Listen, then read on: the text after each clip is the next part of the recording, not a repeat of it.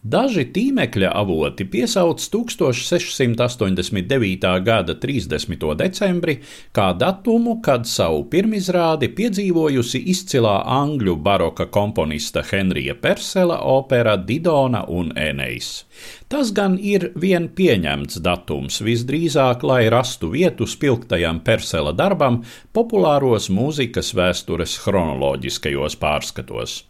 Autentiski avoti ļauj secināt vien to, ka opera izrādīta Džozijasa Prīsta augstdzimušo jaunavu skolā Čelsijā, Londonā 1689. gada decembrī Tomēr pastāv hipotēzes, ka Didona un Enejs varētu būt iestudēta šai mācību iestādē arī kādu gadu iepriekš, bet varbūt arī pirms tam rādīta Anglijas galmā.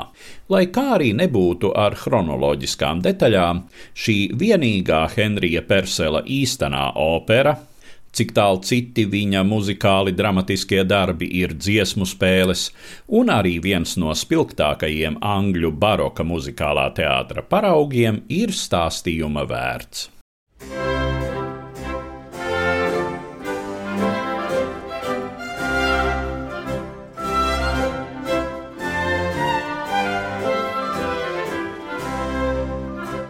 Sižetu par trojiešu varoņa Eneja un Kartāgas valdnieces Didonas sastapšanos un mīlestību vispamatīgāk izvērsis romiešu literatūras dižgars Vergīlijs savā eposā Eneīda, kas tapis pirmajā gadsimtā pirms mūsu ēras. Eneja tēlu sastopam sengrieķu literatūrā, tā skaitā Homēra Iliādā. Viņš ir viens no nedaudzajiem trojiešiem, kuram izdodas pārdzīvot pilsētas bojāēju. Vergīlija interpretācijā Enejs līdz ar citiem izdzīvojušajiem trojiešu karotājiem pamet dzimteni, kuģo pa vidusjūru līdz sekodams dievu padomam, nonāk Latīņu zemē, kur kļūst par nākamo romiešu ciltstēvu. Taču pa ceļam viņš piestāja Kartāgā, kur iemīl turienes valdnieci Didonu, un droši vien būtu viņu apprecējis, ja ne dievu vēlējums doties tālāk. Didona, trojieša neusticības sāpināta, laupa sev dzīvību, mezdamās uz viņa dāvinātā zobena. Kas attiecas uz Didonu, tad viņas vārds parādās nevien mītos, bet arī senatnes vēsturnieku tekstos.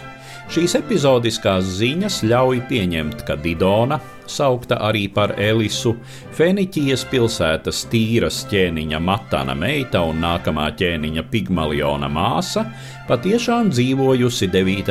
gadsimtā pirms mūsu ēras.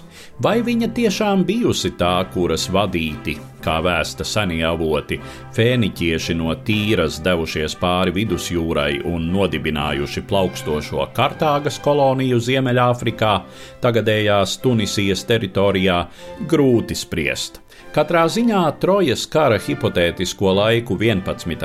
vai 12. gadsimtā pirms mūsu ēras un iespējamo Didonas dzīves laiku šķir vismaz divi gadsimti. Līdz ar to sižets par Didonas un Eneja sakaru, protams, ir Vergīlija fantāzijas auglis, kas izrādījies visnotaļ iedvesmojošs daudziem dažādu mākslu kalpiem, sākot ar Renesanses laikmetu. Šai plejādē pievienojās arī Henrijs Persels un viņa operas libretists Naums Teits. Persela, Didonas un Enēja vadmotīvs ir valdnieces pieviltā mīlestība. Tas liek domāt, ka opera patiešām varētu būt radīta pēc dišciltīgo jaunavu skolas pasūtījuma, un tās saturam bija jāvedina jaunkundzes uz pārdomām par mīlas nepastāvību un pašcieņas vērtību. Pēdējais motīvs spilgti izspēlēts libreta kulminācijā, kad Enejs teju gatavs mainīt savu nodomu un palikt pie mīļotās, taču sarūktinātā Didona viņu atraida, lai pēc tam mirtu, ne pašnāvībā, bet gan no sirds sāpēm.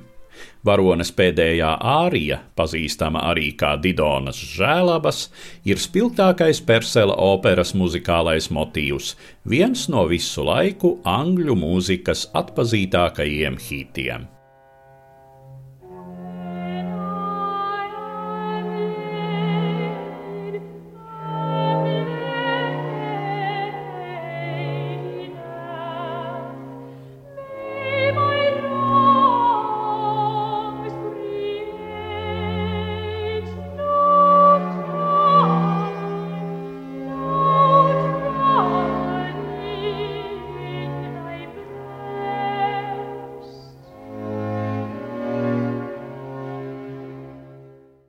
Stāstīja Eduards Liniņš.